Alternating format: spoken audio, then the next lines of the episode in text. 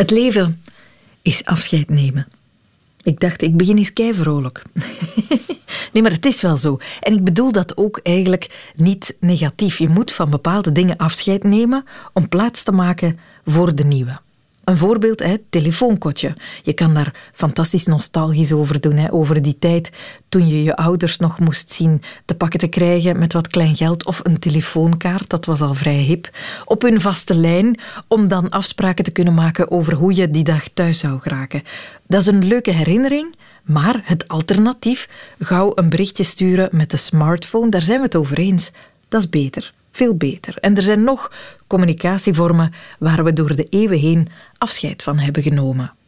Pantomime is bij lange na niet meer zo populair als het ooit geweest was. De kijkdoos. Behalve zo één keer in de lagere school, omdat je moet maken, of zien we amper nog kijkdozen om ons heen. Minnestrelen, ook al lang niet meer gezien, die hebben hun lier en hun verzen ook al lang aan de wilgen gehangen en dat is allemaal prima. Dat is oké. Eén dingetje, daar heb ik het lastiger mee. Dat is het mogelijke einde van de begingeneriek. Dat vaste stukje, helemaal aan het begin van uw lievelingsfictiereeks. Het signaal dat die broeksknop nu echt open mag. Dat je nog wat dieper mag doorzakken en dat de tv-avond begint. Die is met uitsterven bedreigd en dat is de schuld van Netflix, die ons sinds een jaar of vijf de skip-intro-knop aanbiedt de mogelijkheid om dat vaste ritueeltje over te slaan en meteen patat het verhaal in te duiken. Sinds die knop er is, wordt daar dagelijks 136 miljoen keer op gedrukt. En worden dus dagelijks 136 miljoen begingenerieken niet gezien. Is dit het einde van dat tijdperk? En waarom zou dat niet zo mogen zijn? Dat hoort u nu. Welkom in de wereld van Sophie.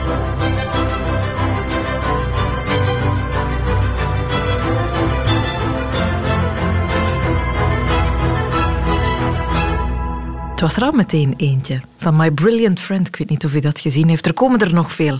Heerlijk. Ik heb er nu al zin in. Ik sprak over die skip-intro-knop-evolutie met Daan Borlo. Hij is dramaturg bij Compagnie Cecilia in Gent. En samen met Florian de Roo, auteur van de Netflix-SS. En hij is ook gewoon Verzot op intro's, verzot op Netflix. Uh, ik mag mezelf wel een begenadigde binge-watcher noemen. Ja. Maar het heeft natuurlijk repercussies, hè. zoals je zegt. Uh, door die skip-intro-knop ja, gaan we toch in een soort andere kijkbeleving. En ja, Netflix stuurt, stuurt ons eigenlijk in een soort kijkcultuur, hè, waarin dat, um, niet alleen de, de intro wordt weggeknipt, hè, maar ook de outro vaak wordt overgeslagen en dat je in één soort lange, uh, verdovende tijdslus uh, terechtkomt. Ja, dat kan je, de outro wordt er ook afgehakt? Ja, die gaat zelfs automatisch. Dus bij de intro kan je eigenlijk kiezen hè, van wil ik hem zien of niet. Uh, ga ik mijzelf een, een, halve minuut extra aan mijn leven schenken, zeg maar.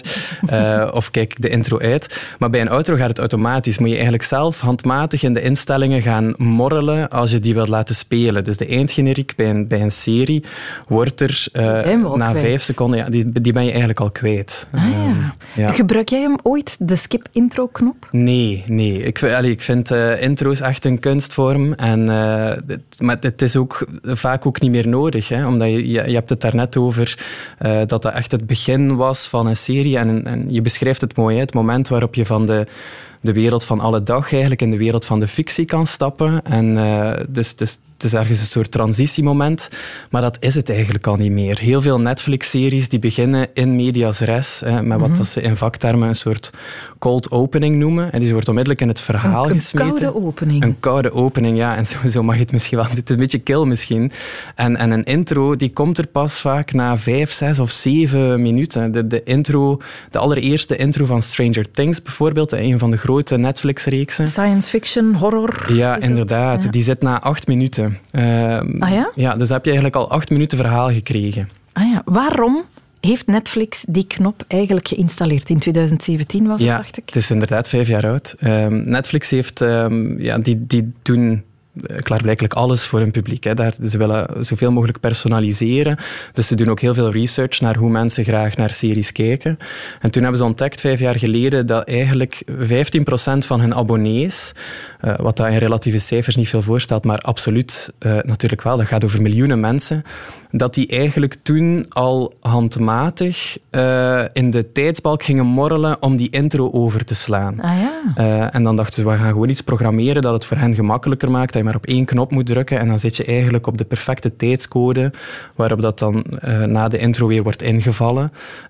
onder het mom van wij geven onze kijkers wat ze willen. Ten dienste van de kijker. Ja. Je zegt onder het mom van, schuilt er een andere bedoeling achter? Ja, het is natuurlijk, want voor heel, ik denk voor 85% was dat bijvoorbeeld misschien niet aan de orde. En dan, dan is dat een extra snoepje dat je krijgt. Heel veel mensen gaan dat ook gebruiken.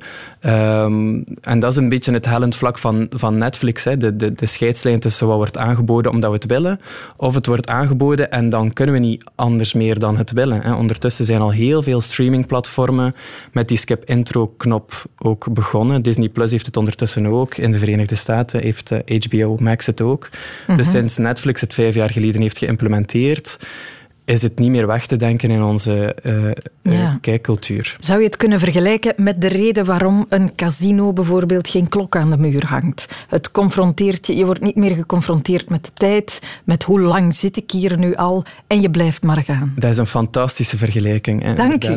Ja, echt waar. Omdat ook, ja, je, je gaat je ook niet schuldig voelen. Hè? Als je bijvoorbeeld uh, Friends zit te bingen, toch nog in Vlaanderen een van de meest bekeken Netflix-reeksen, terwijl ja, het is stock-out en, en eigenlijk niet van Netflix zelf als je zes of zeven keer het, het iconische begindeuntje ziet, of hoort passeren, ga je misschien een beetje schuldig voelen over jezelf. Een beetje vuil, hè, dat je al mm -hmm. zo lang uh, in de zetel ligt te stinken en naar Friends zit te kijken.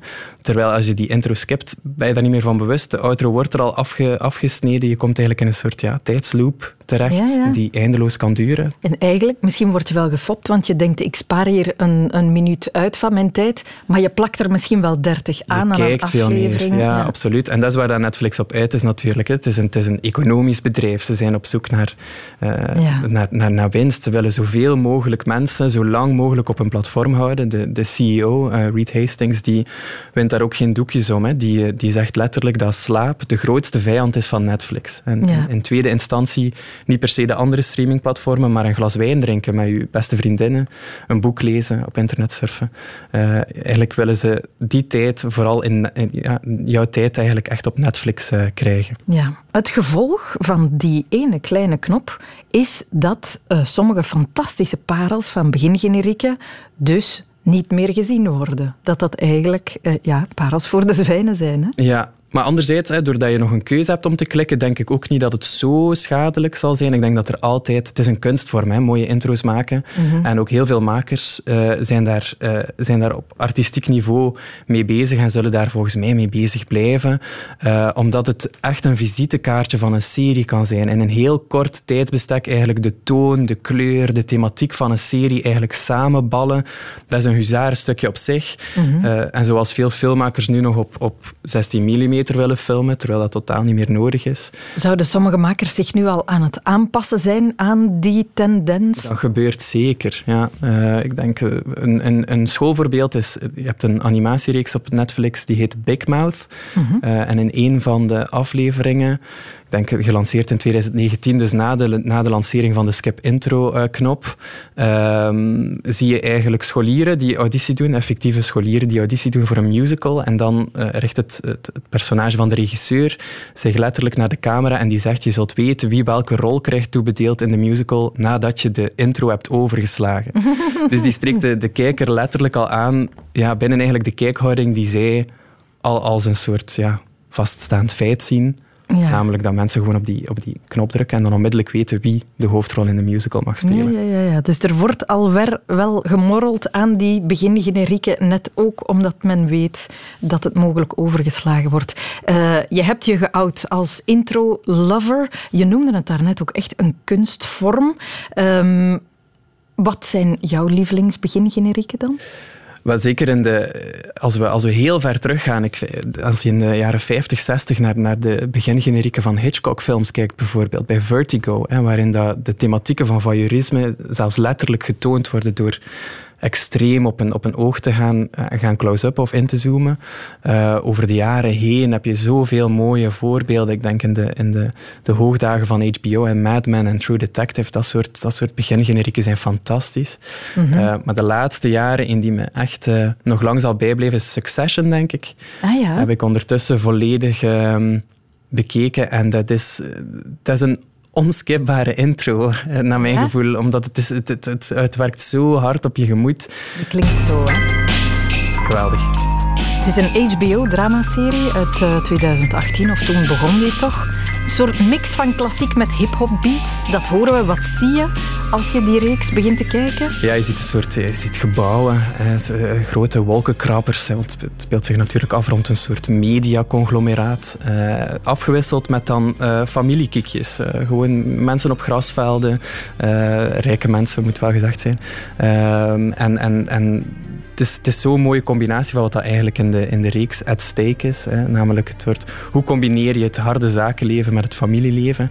En ze pakken dat zo Shakespeareaans en, en ironisch aan. Dus de, de breedvoerigheid van de, van de tune ook, die, die onderstreept dat geweldig. Ja, die hebben nog geen rekening gehouden met de skip-intro-knop. Hier kan je nog dik een minuut van genieten. Nee, ja, en de componist eh, van, van, van de tune, eh, veel gevierd uh, componist Nicolas Bretel, die heeft zich ook echt geout als een, als een een, een hater van de skip-intro-knop. Ja? ja? hij vindt het heel schadelijk. Uh, ja, ja. Ja. het is ook werkgelegenheid natuurlijk absoluut, voor de man. Je ging nog een andere noemen, een andere top-intro. Uh, ja, een top-intro uh, aan Netflix gerelateerd is die van BoJack Horseman. Heeft zes seizoenen lang gelopen, sinds 2014 denk ik. Mm Is onlangs afgelopen. het is een komische animatieserie. Animatieserie, heel absurd, want de hoofdrolspeler is een paard, een getekend paard. Ehm, maar het is een ongelooflijk volwassen reeks in die zin. Het gaat over heel veel zware dingen des levens. Over, over, over afwijzing, zelfafwijzing. Tragicomisch. Uh, ja. En zo start hij. Ja, wat zien we als dit klinkt? Je ziet eigenlijk het, uh, het paard in kwestie eigenlijk uh, uh, voor zich uit staren, waardoor dat je zijn narcisme krijg je eigenlijk al bijna binnen, binnengelepeld. En alle personages die in de, in de reeks uh, passeren, die, die, die, die glijden eigenlijk ook door het scherm uh, in zijn huis in een soort fictief uh, Los Angeles, een fictief Beverly Hills. Um, en het zit hem natuurlijk zo in die gezapige ja, de saxofoonsolo die we op de, op de achtergrond horen. Um, creëert een ongelooflijk ja, soort ja, kille warmte, zou ik willen zeggen. Het is, het is mhm. ergens heel warm, maar ja, door de tonen van de reeks wordt het ook snel, snel koud. Ja. En het is ook een reeks die al inspeelt eigenlijk op, op, ja, op het feit dat er een skip intro button is. En elke aflevering heeft een ietsjes andere intro. Dus eigenlijk voor de intro-nerds of de meerwaardezoekers, die kunnen echt met de loop erop gaan kijken. Een reden om te blijven kijken. Ja, zo'n handje dat ergens anders ligt, of een, of een figuur die iets later binnenkomt dan anders, uh, die spelen daar al op in. Ja, dat is interessant. Hè? Hoe gaat een fictiemaker met die evolutie om? Hoeveel werk kruipt er in een begingeneriek? En hoe erg is het als mensen je werk dan gewoon ploef wegklikken? Dus nadat ik Daan gesproken had en zelf ook nog even zat mijmeren bij den deze... Carolientje heeft een bootje. Carolientje en haar bootje. In de mooiste van haar dromen. Ik kan daar niet onbewogen naar luisteren. Of deze. Maak muziek en lach. Zorg dan voor een andere dag. Lekker shake met de Fraggles. In de Fraggles. Die zouden terugkomen trouwens, heb ik gehoord. Fantastisch idee. En dan natuurlijk moet ook deze in het rijtje.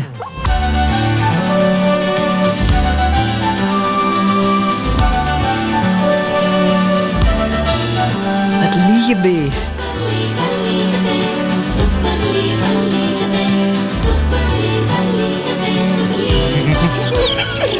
Hallo. Hallo. Koekoe.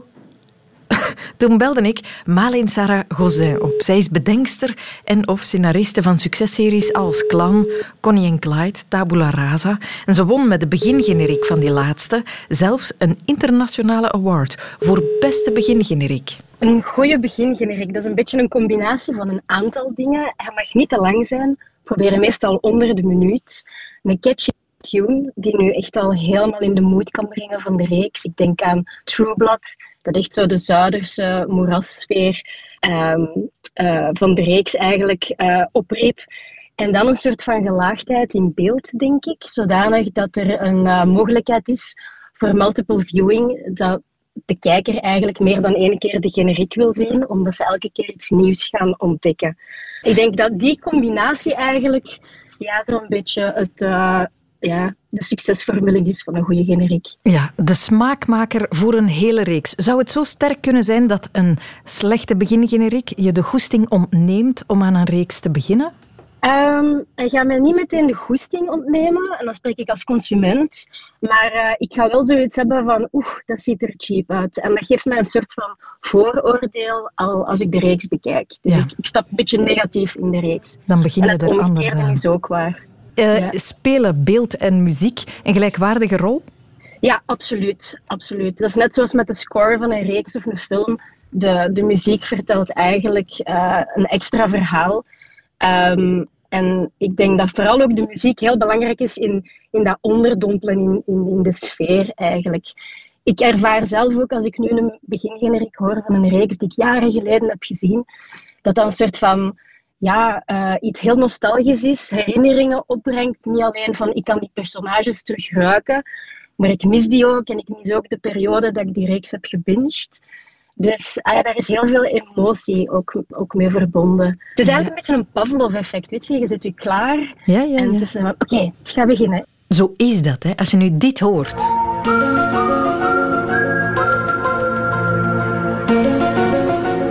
Dan zit je er toch weer ineens in de zetel tussen je ouders te proberen verbergen dat je eigenlijk bang was van die hele reeks, te jong om die akeligheden te bekijken. Maar goed, we hebben het over jouw werk. Zo klonk de generiek van Klan. Daar is plots Paul Severs en dan zien we in die begingeneriek familiefoto's. Duidelijk uh, problemen met de familiefoto's. Iemand is ook aan het naaien op over die foto's. Allemaal op de tonen van Paul Severs' Little Darling. Hoe is die ontstaan? Uh, ja, dat is een heel verhaal. Diegene die aan het naaien is, dat ben, eigenlijk, dat ben ik. Ah, ja. Dat is ook mijn hand. Ja, ik heb uh, dankzij klanten voor de eerste keer ook kunnen samenwerken met mijn broer, Isaac Gozin. Dat is zo'n beetje de specialist in zaken generieken maken hier in Vlaanderen. Hij is verantwoordelijk ja, voor het gros van de prestige-generieken. Posijour heeft hij gemaakt, de 12. Dus niet alleen voor mijn reeks. Mm, het zit in de klan. Ja, en dat is eigenlijk heel tof om, om dat met uw broer te concipiëren. Omdat, ja, ik heb niet veel nodig om in zijn hoofd te kruipen en vice versa. En hij had het geweldige idee bij Klan om een soort van voodoo-generiek te maken. Want um, ja, u weet, zo'n voodoo-popje en dan, dan wilt je iemand kwaad berokkenen, wat eigenlijk die zussen met hun schoonbroer van plan waren. Mm -hmm. um, en dan hebben we dat verteld in dat borduurwerk, wat eigenlijk super ironisch was. Want ik ben zelf als... Uh, als kind op school een verschrikkelijke leerling in handwerk uh, geweest. Ik naaide altijd mijn borduurwerkjes vast in mijn trui. Oh. Dus uh, we hebben dan een soort van maquette gemaakt, een soort van mokfilmpje, een mock-up um, op mijn appartement in die tijd. Um, mezelf te borduren uh, op de foto's van de actrices. En zo hebben we dat gaan voorstellen bij de zender. En dan hebben we dat in studio eigenlijk uh, professioneel terug overgedaan. Mm-hmm. Maar ook daar zit die gelaagdheid in beeld. Dus de toon, niet alleen door de muziekkeuze van Paul Severs, want een knipoog was naar Jean-Claude, die eigenlijk uh, fan was van slagers. Mm-hmm. Maar um, ook de, ja, de, de huiselijke alledaagsheid zat daarin van, van, die, van die vrouwen. En um, de, de borduurwerkjes die je ziet, dus die vlammetjes en dan um, het touw daar rond uh, Jean-Claude zijn nek gaat, wat eigenlijk de naaidraad is. Dat Mhm. zijn allemaal knipogen naar de moordpogingen van de zussen op Jean-Claude. Ah, Um, wa- waanzinnig, hè, wat er eigenlijk allemaal in zo'n kort stukje film eh, of televisie eh, gevat zit. Hè. Misschien nog interessanter is de begingeneriek van Tabula Rasa. Niks slechts over die van Klan, maar deze heeft wel een award gewonnen voor beste begingeneriek. Eh, de muziek, die kan ik geven. Hoe zag die er ook alweer uit? Het begint eigenlijk met ehm, de, de, de eerste credits die wegwaaien, die verzanden. En dan volgen we het hoofdpersonage in een aantal beelden. Je ziet um, Buitens als ballerina vallen en die verzandt ook helemaal. Er is een uh, Newton-pendel uh, die daar een soort van, ja, uh, een accident, ja, die valt eigenlijk uit die Newton-pendel. Er zit een arm in met een tattoo, een bostattoo. Um, een konijn, wortelbomen die een doolhof vormen, kindertekeningen die verzanden. Eigenlijk waren dat allemaal ja, symbolische beelden die uit de reeks kwamen. Mm En door de reeks te kijken, aflevering na afleveringen, begon eigenlijk de, de generiek uh, betekenis te krijgen. In de zin van, dan wist je van wat dat de Newton-pendel betekende. Je wist van, ah ja, oké, okay, die arm met die posttattoo, dat is eigenlijk van Thomas de Geest, de, de verloren uh, man in, in de reeks, waar dan Mie probeert achter te zoeken, want Mie heeft geheugenverlies. Mm -hmm. En eigenlijk wat dat Mie in de reeks probeert te doen, te puzzelen wat dat er gebeurd is, dat kan je met die generiek ook doen. Die generiek is een puzzel en aflevering na aflevering vallen die puzzelstukjes in elkaar. Dat zit zo ingenieus in elkaar. Daar is zo'n werk in gekropen. En nu, met dat kleine, simpele skip-intro-knopje, uh, zou de kans bestaan dat iemand het nooit te zien heeft gekregen. Vind je het jammer dat die begingenerieken alsmaar vaker geskipt worden? Ja, uiteraard is dat jammer. Um, ik doe het persoonlijk, allee, ik doe het zelf niet. Ik ga nooit een goede um, begingeneriek wegskippen. Um, ik denk dat dat vooral is mensen die op één avond vijf afleveringen na elkaar bingen. Maar ik denk als je ja, er twee naar elkaar ziet. Ja, ik spreek nu misschien voor mij persoonlijk, omdat ik ook een fan ben van begingenerieken en in die sfeer wil komen.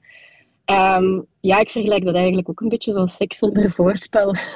Mijn lievelingsreeks, Breaking Bad, die had geen generiek en ik had altijd een bijzonder gemis gevonden. Um, dus ik denk de mensen die, die, die echt de, de, de serie liefhebbers, dat die die skipknop misschien toch niet altijd gaan gebruiken. Ja. Um, zou je, misschien is dat wishful thinking. Zou je als maker ja, zou je verleid kunnen worden om zelf gewoon geen begingeneriek meer te maken voor je volgende reeks? Oh, oh mijn, hart, mijn hart zou bloeden. ik hoor um, het. Ja, ik vind dat zo, weet je, dat is hetzelfde als een boek uitgeven zonder cover. Of um, uh, als ik naar een restaurant ga en er wordt mij een amuse aangeboden, ja, dan, dan ga ik die ook niet skippen. Of ik zou het erg vinden als, als dat niet op tafel komt. Zo. Als seks zonder voorspel of een etentje zonder amuse. Allebei zeer goede vergelijkingen. Malins eigen favoriete begingeneriek trouwens is die van Six Feet Under. Kent u die nog? Een reeks over een familie begrafenisondernemers. Heel goede reeks. De moeite om ooit nog eens te zien. Ondertussen toch alweer bijna 20 jaar oud, denk ik. Hè? Eens je begint na te denken over generieken, dan kom je op zoveel goede intro's. Deze. Echo across the room. Dat is van The Bridge. De Deens-Zweedse crimi met Saga, die altijd bra zegt over alles. Prachtig begin van die reeks. Dan zie je de bewuste brug waar de bridge over gaat. De stad bij nachten is ook gewoon een heel erg mooi nummer om bij een andere gelegenheid naar te luisteren. Hollow Talks heet het trouwens, van Choir of Young Believers. Ook een heel bekende. Dat is deze tune.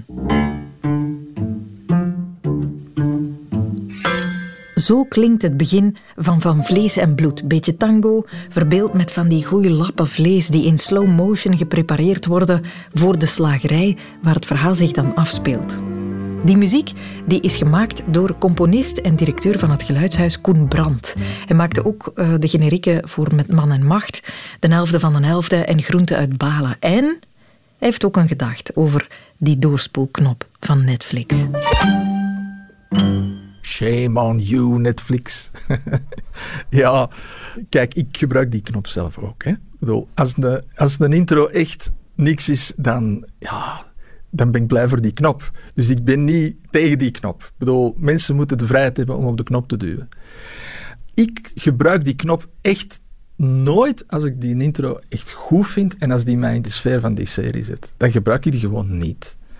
En dat is niet om omdat ik dan zo een, een, hoe zal ik zeggen, respect heb voor de kunst, maar gewoon omdat ik dat zelf prettig vind om een goede generiek, om die nog eens te zien en nog eens te, eh, naar te luisteren.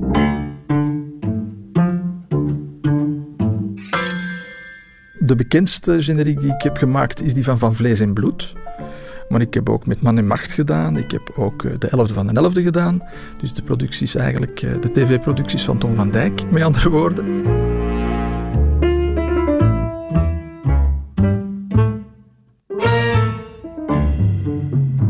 Van Vlees en Bloed is eigenlijk een goed voorbeeld van hoe een generiek meestal niet wordt gemaakt.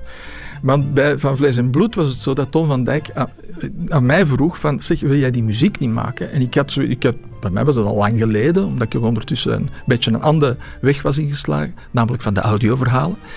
En hij zei, wil jij die muziek niet maken? En dan heb ik gezegd van, kijk, ik ga gewoon eens een stukje maken op basis van de scripts die ik al heb gelezen. Ik ga gewoon een stukje maken en vinden dat goed, dan gaan we, daar, dan gaan we daarmee voort. En daar is dus de muziek gemaakt voordat ik ook maar één beeld heb gezien. En dat was eigenlijk meteen spot. Voor, voor Tom en voor uh, Michel en Michiel. Um, die vonden dat meteen van, ja, dat is echt eigenlijk wel, wel goed.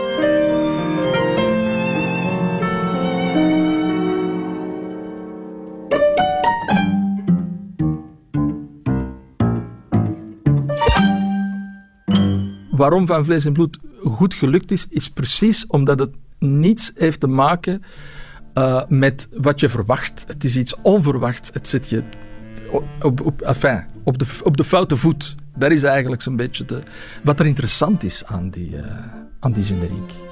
Toen dat ik dat voorstelde, dan zei uh, Michel, Michel van Hoof uh, van Woestijnvis, die zei van, dan tango begot. Dus die, die, die. En dan zo even over nadenken. Zo van, ja, eigenlijk, ja, voor wat niet?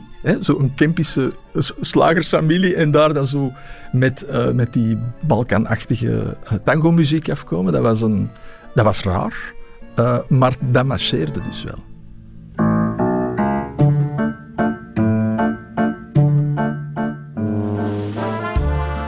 De, de, tragicomische van die serie, dat zit ook in die muziek. Uh, die muziek die heeft zo die, tegelijkertijd die knipoog, die is een beetje uh, ernstig, die is een beetje zot. Ja, die, die gaat een beetje naast het paadje. Dat is eigenlijk een beetje de, de, de kracht van die, uh, van die muziek. Als je het niet verwacht, dan ga je het ook beter onthouden. Of dan ga je toch, dan maak je een beetje. Je, je hoofd komt dan vrij voor andere dingen of zo. om, om dingen te, te, anders te zien. Dat is eigenlijk beter gezegd.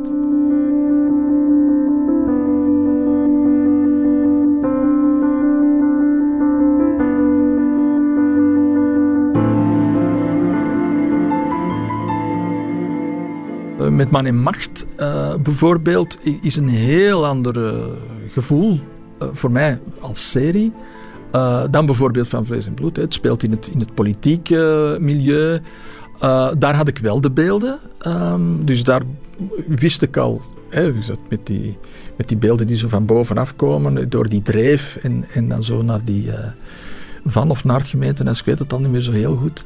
Uh, en ik wist ook al wel dat ik met piano wou werken en, en veel strijkers. Dat klopte of zo. En ik wou dat ook zo wel wat een beetje grandeur geven.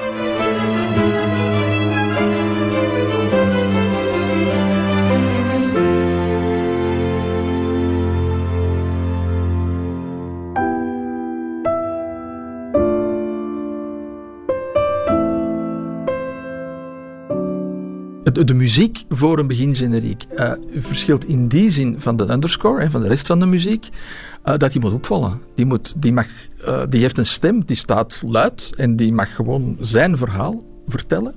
Het moet onderscheidend zijn en je moet achteraf, hè, het moet in je hoofd blijven plakken, bij wijze van spreken. De generiek die voor mij, dat is echt zonder twijfel Succession.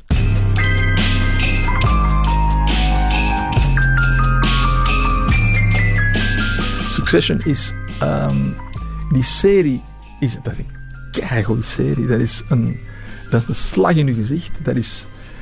Dat is eigenlijk dat is vreselijk en geniaal tegelijkertijd. En die muziek die past daar wonderwel bij, omdat die alleen maar verfijning geeft. Dat, is, dat gaat alleen maar over verfijning. En tegenover die, die rijke, boertige mensen, uh, die elkaar een duivel aandoen.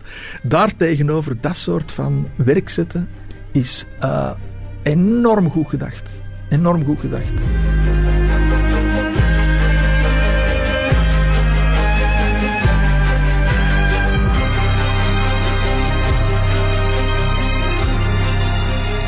Persoonlijk vind ik uh, een begingeneriek heel belangrijk. En dat niet, niet, alleen qua beeld, maar gewoon ook qua sfeer. En zeker ook qua muziek. En je ziet dat, daar de, dat de aandacht daarvoor toch wel een beetje weg hebt. De muziek is nu vaak een beetje generiek, letterlijk. Hè. Een beetje te algemeen. Uh, niet, niet, uh, heeft niet genoeg smaak of zo. Ik vind dat je ziet en hoort vooral in, in, in, de muziek, omdat dat dan mijn ding is, dat de budgetten geweldig verkleind zijn, omdat er veel goedkoper kan gewerkt worden door heel de digitalisering, zal ik maar zeggen. Heel veel muziek wordt gewoon met de computer gemaakt. Wat betekent dat het goedkoper kan?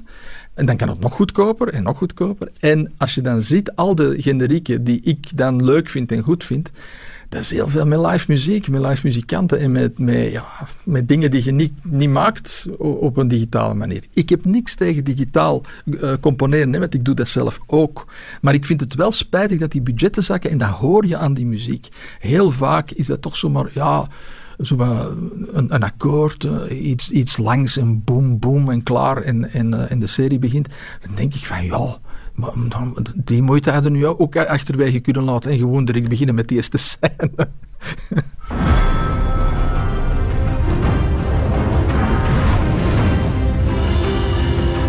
Toen op een gegeven moment uh, de producenten de begingeneriek minder belangrijk begonnen vinden um, en die begonnen verkorten ook. Ik vind dat geen goede evolutie. De, de, grote uitzondering nu is Game of Thrones. Dat is echt een lange begingeneriek. Maar veelal zijn die nu kort en soms superkort. Als je met een echt korte begingeneriek zit, dan heb je niet de tijd en niet de, dan geraakt hij er niet, niet meteen in of zo. Soms is dat ook niet zo heel hard nodig. Maar over het algemeen, als hij, als hij wat langer is, dan, kun je toch, dan heb je wat meer tijd om, om je te zetten en zeggen van oké, wat, gaan, wat gaat er nu weer gebeuren in deze serie.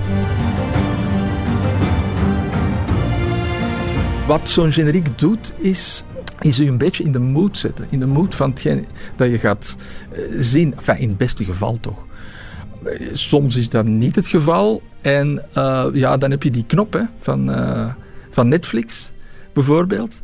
Maar ik probeer dat toch in die zin te vermijden dat ik zelf ook het leuk vind om in die sfeer te worden, te worden ondergedompeld voordat het ding begint. En dat stamt eigenlijk nog van toen ik klein was. En ik denk dat iedereen dat zo'n beetje heeft. Zo van, het gaat beginnen, het gaat beginnen.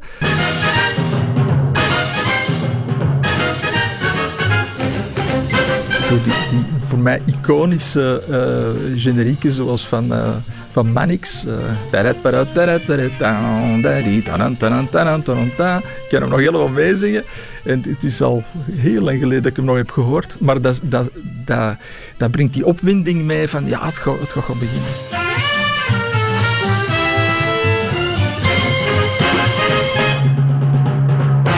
Gaat gaan beginnen. Iedereen gaat zitten en dan snel nogal je grief pakken en rennen naar de televisie. Zo ging het vroeger. Hè. Ik doe ook even de geschiedenis van de begingeneriek in met Robin Broos. Hij is filmjournalist, auteur van het boek The Original Soundtrack, maar ook begingeneriekkenner. uh, ja, en van de populaire cultuur in het algemeen. Ja. Voilà, kijk eens aan. um, we gaan uh, terug naar de begindagen van televisie. Hè. Wat was het oorspronkelijke nut van de begingeneriek? Wel, we spreken over een tijd wanneer er zelfs nog geen sprake was van een zapper. Dus mensen zaten in hun zaten televisie te kijken en keken eigenlijk gewoon maar aan één stuk naar wat er werd aangeboden. En wanneer er dan zo'n reeks startte, dan was het ook wel heel belangrijk om meteen te zetten van kijk, beste kijker, dit is hetgene wat je nu voorgeschoteld gaat krijgen. Dus die generiek mocht, uh, mocht lang duren, moest vooral heel herkenbaar zijn. Niet alleen visueel, maar uh, zeker ook qua muziek. Dat je als, als kijker meteen door hebt, ah ja, tuurlijk, nu begint uh, mijn favoriete reeks. En, en ja, die, die, die leuke melodietjes zijn dan ook wel vaak hun eigen leven gaan leiden. Je, je merkt het nu ook met de luisteraars, wat zij insturen dat zijn uh, heel vaak door nostalgie ingegeven uh, herinneringen aan, aan fijne reeksen die we ooit bekeken hebben. Ja, absoluut. Maar eigenlijk in het begin had het een, voornamelijk een, een, was het functioneel? Ja, functioneel. Ding en, dong, en, uw reeks komt eraan. Ja, en vaak werd het zelfs visueel gebruikt, ook als geheugensteuntje. Bijvoorbeeld, alle personages passeerden nog eens de revue. Uh, men gebruikte die, uh, die begingeneriek ook als een soort van credits, waar, waar je nu eigenlijk vooral een aftiteling hebt aan het einde van een reeks. Ook die kan je trouwens uh, die, die kan je niet zelf doorspoelen. Je moet aangeven dat je hem niet wilt doorspoelen. Ja, dat ja, ja, vind ik eigenlijk zo mogelijk nog erger. maar vroeger zaten die credits aan het begin. Dat is waar, bij Merlina was dat. Na, na, na, in een regie van, en dan, de naam ontsnapt me De naam even. werd zelfs gezegd, ja, inderdaad. En, en, dan, en dan zag je zo uh, korte snippets van personages in hun rol. En dan stond erbij wie dat personage was en ook vooral wie dat dan speelde. Dus ja, al, al die zaken was eigenlijk om, om, om nu nog maar weer eens duidelijk te maken. Dit is een programma met deze mensen en daar zal het over gaan. Ja, en je had nog even de tijd dan ook uh, om iets te pakken om te drinken, om te eten en om deftig te gaan zitten. Wanneer begint men meer belang te hechten aan sfeerzetting door de begingeneriek? Wel, de, vanaf de jaren tachtig verandert er ontzettend veel. Vooral visueel ook, omdat er gewoon plots door nieuwe technieken ook veel meer kan gebeuren. En, en dat men ja, begint te experimenteren met uh, toch andere vormen daarvan. Ik denk nu bijvoorbeeld spontaan aan Twin Peaks. Oké, okay, dat is al, Ja. alweer tien jaar later, maar toch. Um, die begingeneriek duurt denk ik zelfs twee minuten en een half. Het is geweldige muziek. Legendarisch, hè? Angelo Badalamenti is dit, hè? We kennen het allemaal. En gewoon maar die paar noten en je zit in Twin Peaks. Ja, natuurbeelden. Ja, en, zelfs, en er zitten zelfs geen personages in die begingeneriek. Het zijn gewoon inderdaad natuurbeelden, sfeerbeelden, uh, machinerie. Uh, alles wat er in dat verlaten dorpje ook maar uh, kan gebeuren van stillevens, dat zie je daarin. En aan de hand van die muziek weet je ook meteen... Er is tegelijk iets niet pluis. Ja, ja, ja, ja, absoluut. Eerie, zeggen ze dan in het Engels. Maar inderdaad, superlang. Hè? Ik denk dat ze het nummer helemaal spelen hè, in de begingeneriek. Klopt, ja. Tweeënhalve minuut. Het mondt uiteindelijk uit met uh, dat bord dat je ziet wanneer je Twin Peaks zou binnenrijden, waar dan op staat hoeveel mensen daar wonen, want dat doet men wel eens in, uh, in Amerika. En dan uh, komen eigenlijk gewoon alle namen van de acteurs over het scherm. Ja, we zitten daar natuurlijk ook niet met de minste de regisseurs, David Lynch. Uh, dus het, daar voel je al aan dat het enigszins meer mag zijn, de begingeneriek. Ja, klopt. Dat is trouwens ook de man die er een erezaak van maakte van tijdens het componeren van de muziek naast de componist te gaan zitten en achteraf ook te zeggen dat hij voor minstens 33% de muziek meegeschreven heeft, omdat hij dan influisterde het moet meer dit of meer dat zijn. Ja, ja, ja, omdat die sfeer net zo belangrijk was. Ja. Hetzelfde tijdperk vinden we nog een zeer iconische reeks met een al even iconisch begin.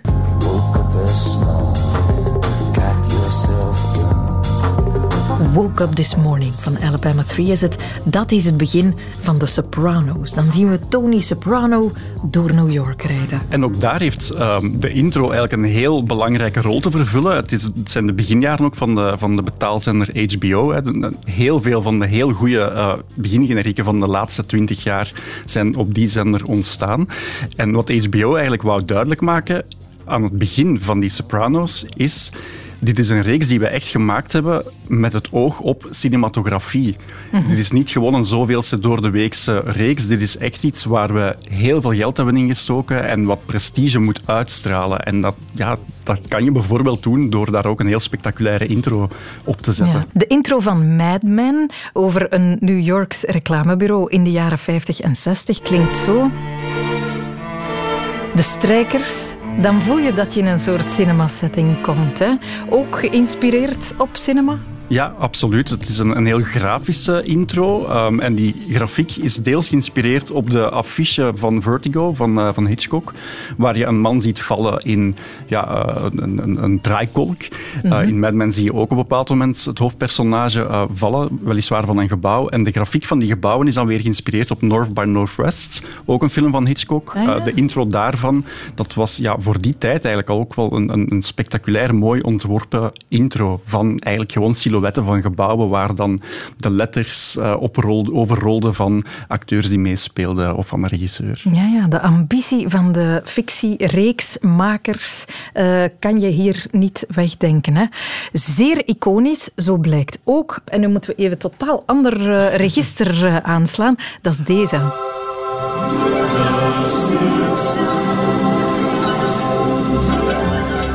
Zo begint de Simpsons, hè? Wat heel cool is, is dat uh, de Simpsons, of de makers van de Simpsons, erin geslaagd zijn om die intro bij het begin al te laten maken door een toen uh, opkomende, maar wel heel grote componist, Danny Elfman. Mm -hmm. Een beetje de, de, rechterhand van Tim Burton. Uh, dus die, maakt die, heeft, die heeft die muziek geschreven. De rest van de reeks is altijd door iemand anders gedaan. Maar ja, de, dit is wel hetgene wat we met de Simpsons in, in verband brengen. Nu, zij zijn er wel in geslaagd om die skipknop te omzeilen, denk ik. Door? Door generieken te verzinnen die elke keer anders zijn. Dus de basis is hetzelfde. We zien een tocht door Springfield aan de hand van uh, de personages die door de stad uh, skaten en rijden. En die eindigt altijd in de huiskamer van de familie Simpsons. Van de familie Simpson. En uh, ja, de, de couch gag noemen we dat dan. Wanneer ze met z'n allen in de zetel ploffen om tv te kijken, dan gebeurt er iets grappig. En eigenlijk...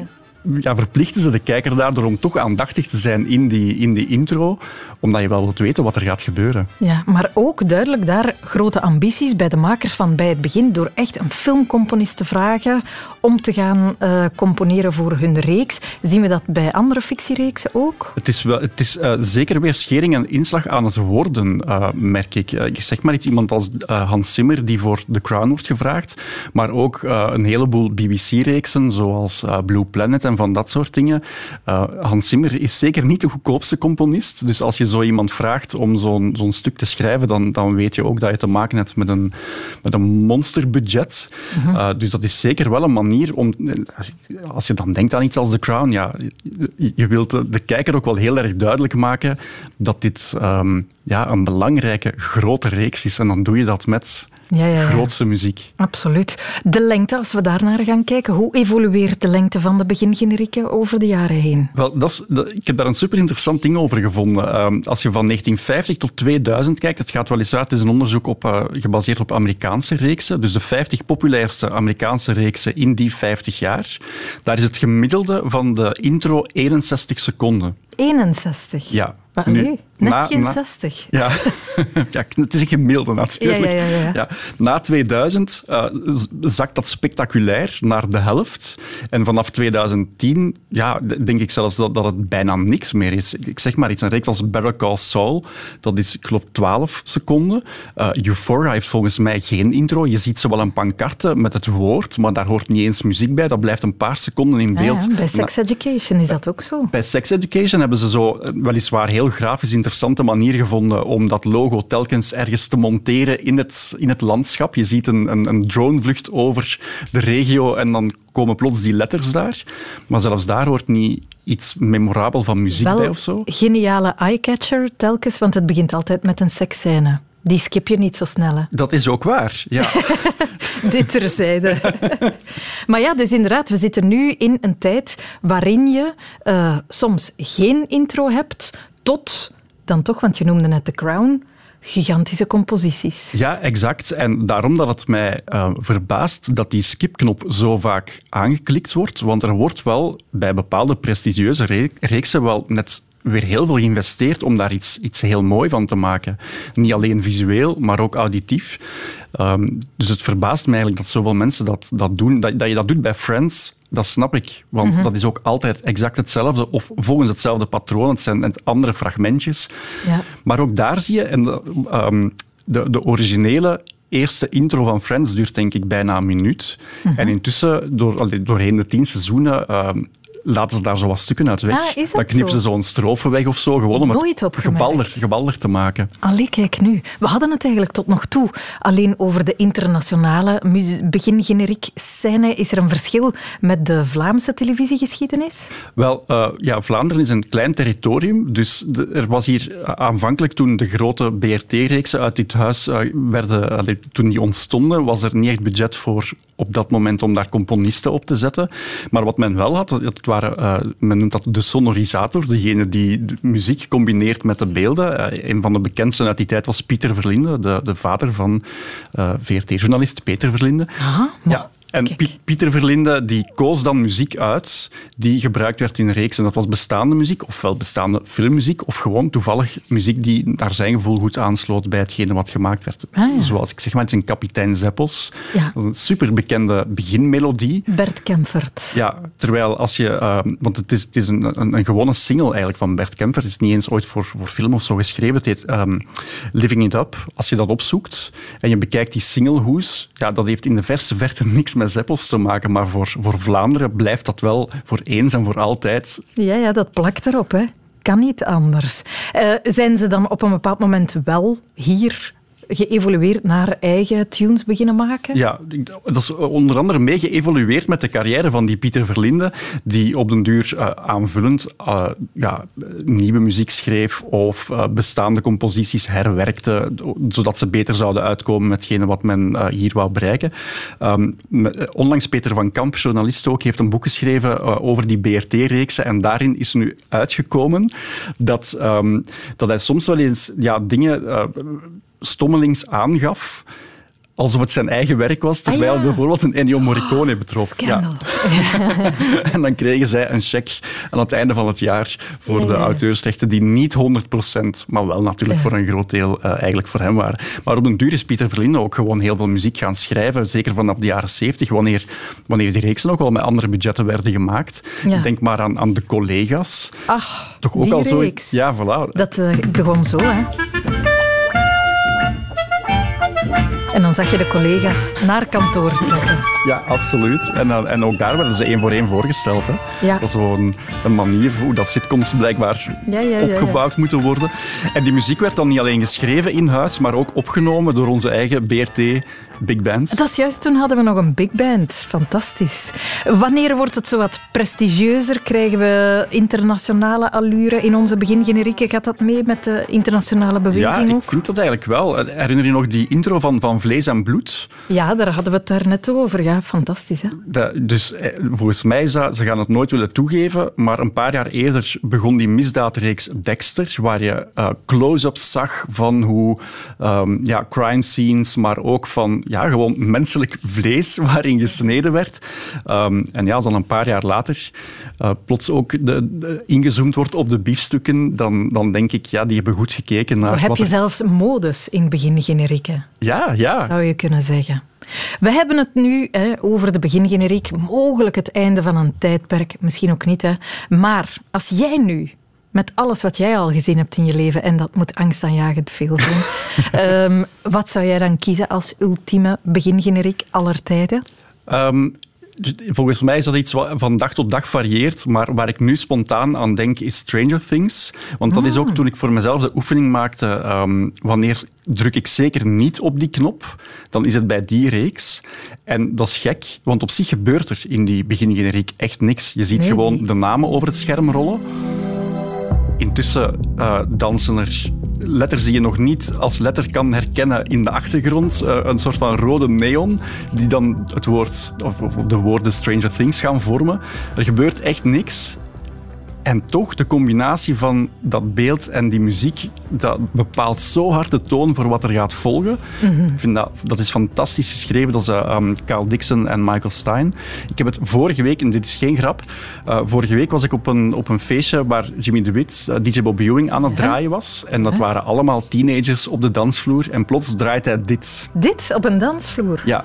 En je zou denken, dat is knettergek, waarom zou een DJ dat doen? En toch, die zaal ging uit zijn dak. Allee, jong, hierop dansen. Zonder beats.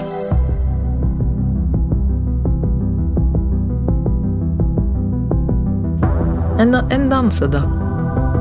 Dat is wat, ja. Elk beestje is een feestje. Maar stel dat je nu zou willen dansen op een begingeneriek, als we ze op dansbaarheid gaan beoordelen, dan kan ik nog wel wat suggesties geven. Ik denk aan deze.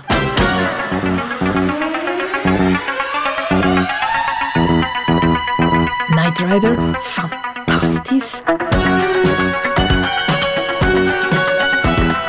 Dat heeft trouwens Buster Rhymes nog gesampled in dit nummer. My crew, let me hear you say fired up. Fire up, Say fired up. Fire up. Daar kan je op dansen hoor. Doet ook een beetje denken aan deze. Dat is met stip de favoriete begingeneriek van Wart Bogaert.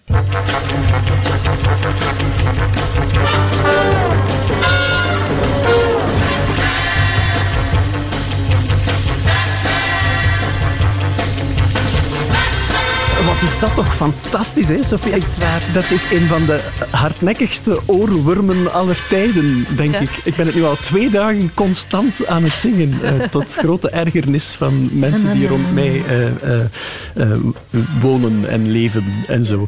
Maar goed, ik ga er straks van alles over vertellen. Ik ga ervoor zorgen dat alle luisteraars de vandaag niks anders meer kunnen zingen dan Batman.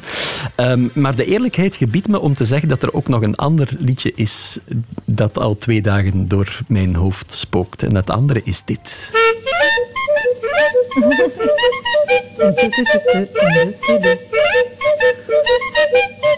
Hey, wat is dat?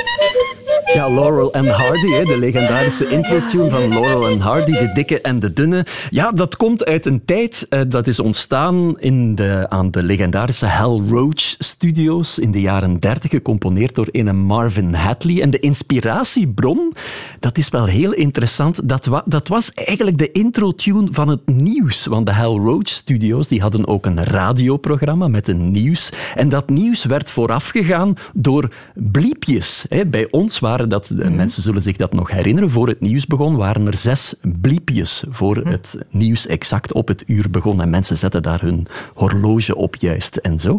En in de Hal Roach Studios, die bliepjes waren geen bliepjes, maar geluidjes van een koekoek. Koekoek. Koekoek. Zo gezellig. Koek.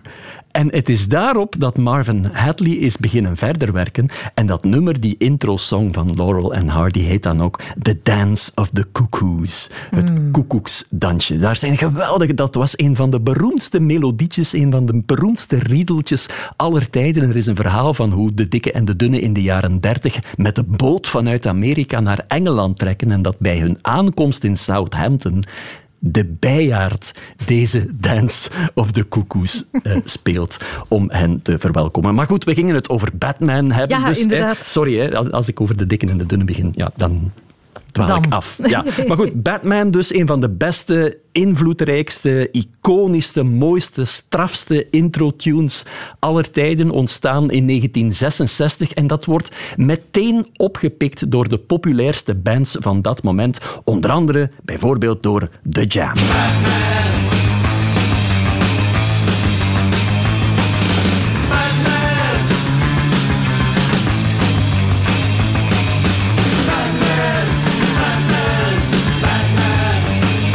zullen we eens horen wat de Kings ervan gemaakt hebben.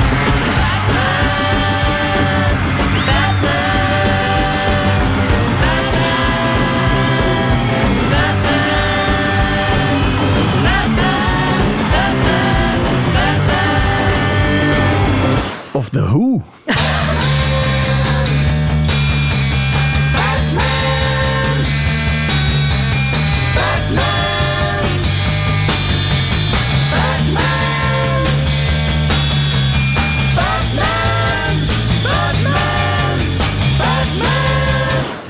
Maar die intro-tune van Batman is natuurlijk niet blijven hangen in de jaren 60. Luister maar eens wat Eminem ermee gedaan heeft. I'm back.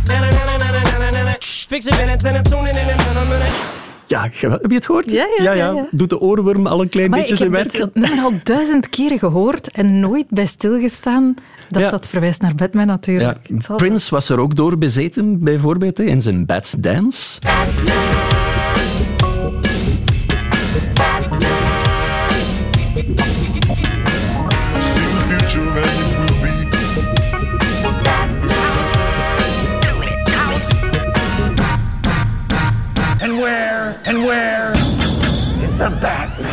Ja. Wauw. Ja, geweldig. Hè? Hij brengt er de, de funk een beetje in.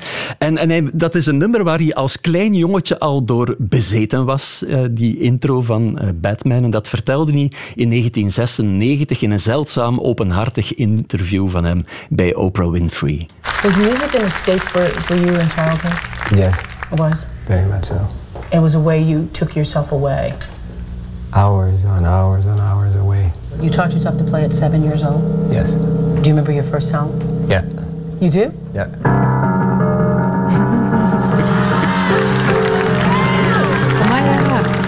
Ja, en dan zie je Prince op zijn witte vleugel, op zijn paarse vleugel, sorry, eh, eh, dat nummer, dat iconische nummer spelen. Geweldig moment was dat. En dat nummer heeft ook een zeer bijzondere ontstaansgeschiedenis. Hè. Het is gecomponeerd door Neil Hefti.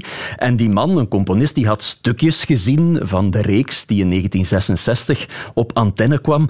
En dat was zo van de pot gerukt dat hij dacht, ik moet een muziekje daarbij verzinnen dat even van de pot gerukt is, dat even gedreven is door een enorm tempo. Een muziek ook waar je die, die, eh, die, die woordjes, die zinnetjes, die klappen, die slagen, die geluidjes kan in integreren. Hè. Die, die, die boef, die fizz, die pauw, die dingen die door de pop-art Ja. ook eh, heel eh, bekend geworden zijn.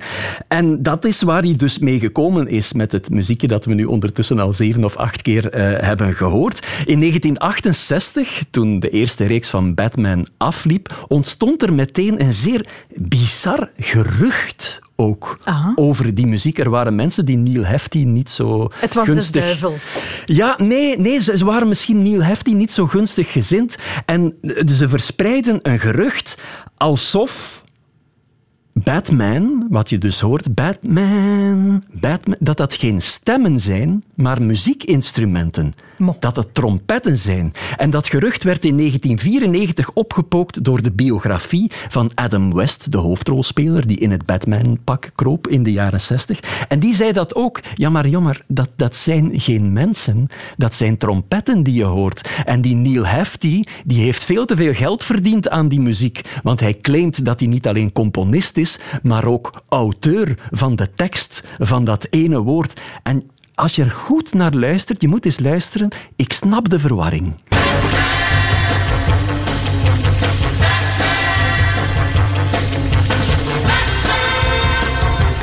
Het is waar. Het zou kunnen, hè? Het begint als stem, maar aan het einde van de klanken lijkt het meer een blazer te zijn. Ja. Neil Hefti heeft het uiteindelijk het, het gerucht de wereld uitgeholpen. Het zijn wel degelijk stemmen. Het is een gelegenheidskoortje dat hij heeft samengesteld van vier tenoren en vier sopranen. Hij heeft daar cynisch aan toegevoegd. Het zou wel heel dom geweest zijn van mij, want ik zou veel meer auteursrechten hebben kunnen, eh, eh, veel minder auteursrechten he- hebben kunnen innen als het eh, alleen instrumentaal zou zijn geweest. Dus het is wel degelijk tekst en muziek van die Neil Hefti op de partituren van een van de leden van dat gelegenheidskoortje stond trouwens Word enkelvoud en music Neil Hefti. Maar jij de lyric van Batman? maar dus dat, dat muziekje, dat had... In geen tijd had dat evenveel succes als de reeks zelf. En men heeft dus al heel snel beslist om een singeltje uit te brengen met die intro-tune. En op singeltjes, dat weet je, die hadden een A-kant en een B-kant. En dus moest er ook iets op de B-kant komen. En dat was dan de Batman Chase.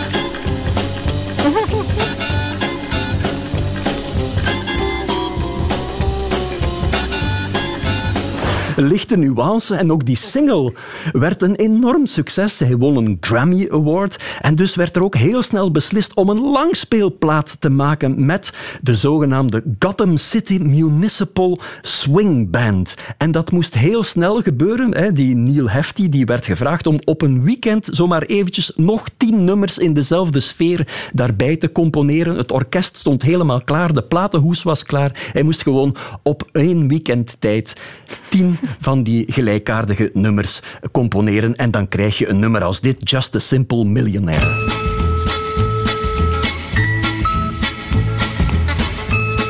Dat voelt meer Vlaamse fictie aan. Ja, maar toch nog altijd die, eh, diezelfde surfsfeer een beetje. Dezelfde instrumenten ook. Ja. Of bijvoorbeeld dit, Eivol Ekdol, The Albanian Genius.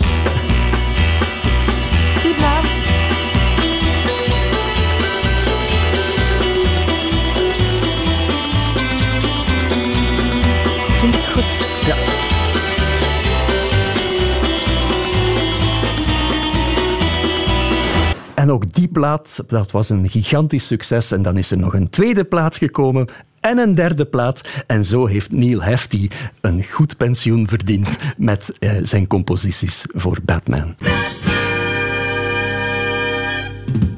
En heeft u er nu al één in gedachten? Een favoriete begingeneriek? Als u er nu één mag kiezen om nooit meer te vergeten en dus zeker ook nooit door te spoelen. Ik heb die vraag op de radio gesteld, want de wereld van Sophie is er uiteraard ook elke dag op Radio 1, elke weekdag van 10 uur tot 12 uur. En wij kregen een massa suggesties, maar wel met één zeer duidelijke favoriet. Je hebt hem al kort gehoord. De beste begingeneriek van een fictiereeks aller tijden, dat is deze.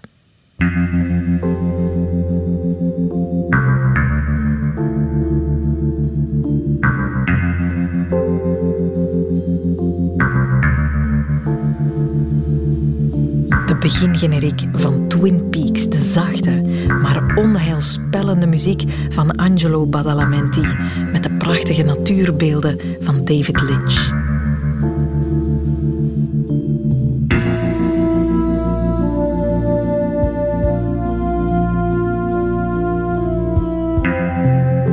Bogaert heeft eh, Badalamenti ooit als jonge radioknaap op het filmfestival eh, van Gent geïnterviewd. En toen gebeurde dit. Um, Mr. Badalamenti, do you mind to give me and the Radio 1 listeners audience a private concert? Well, oh, you know, everybody seems to know the theme from Twin Peaks. I think a lot of people know it better than I do.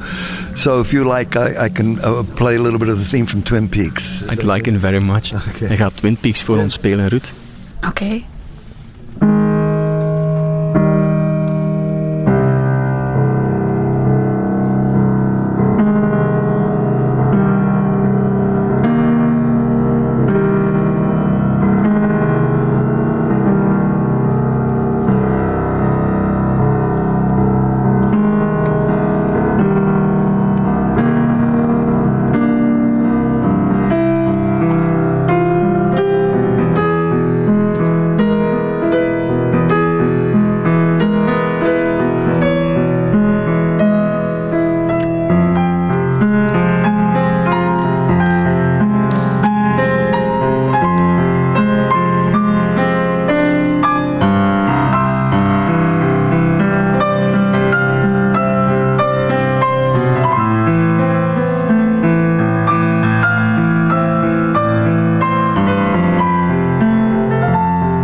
was de wereld van Sophie over de begingeneriek. Hopelijk heeft het u ook goed zin gegeven om 30 reeksen te beginnen herbekijken. Nu, volgende vrijdag is er een nieuwe podcast en ondertussen kan u ons volgen op Radio 1 elke weekdag tussen 10 en 12. Heel graag.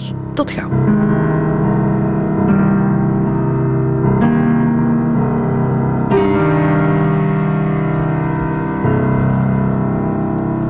Thank you so much. A real pleasure, and thank you for this.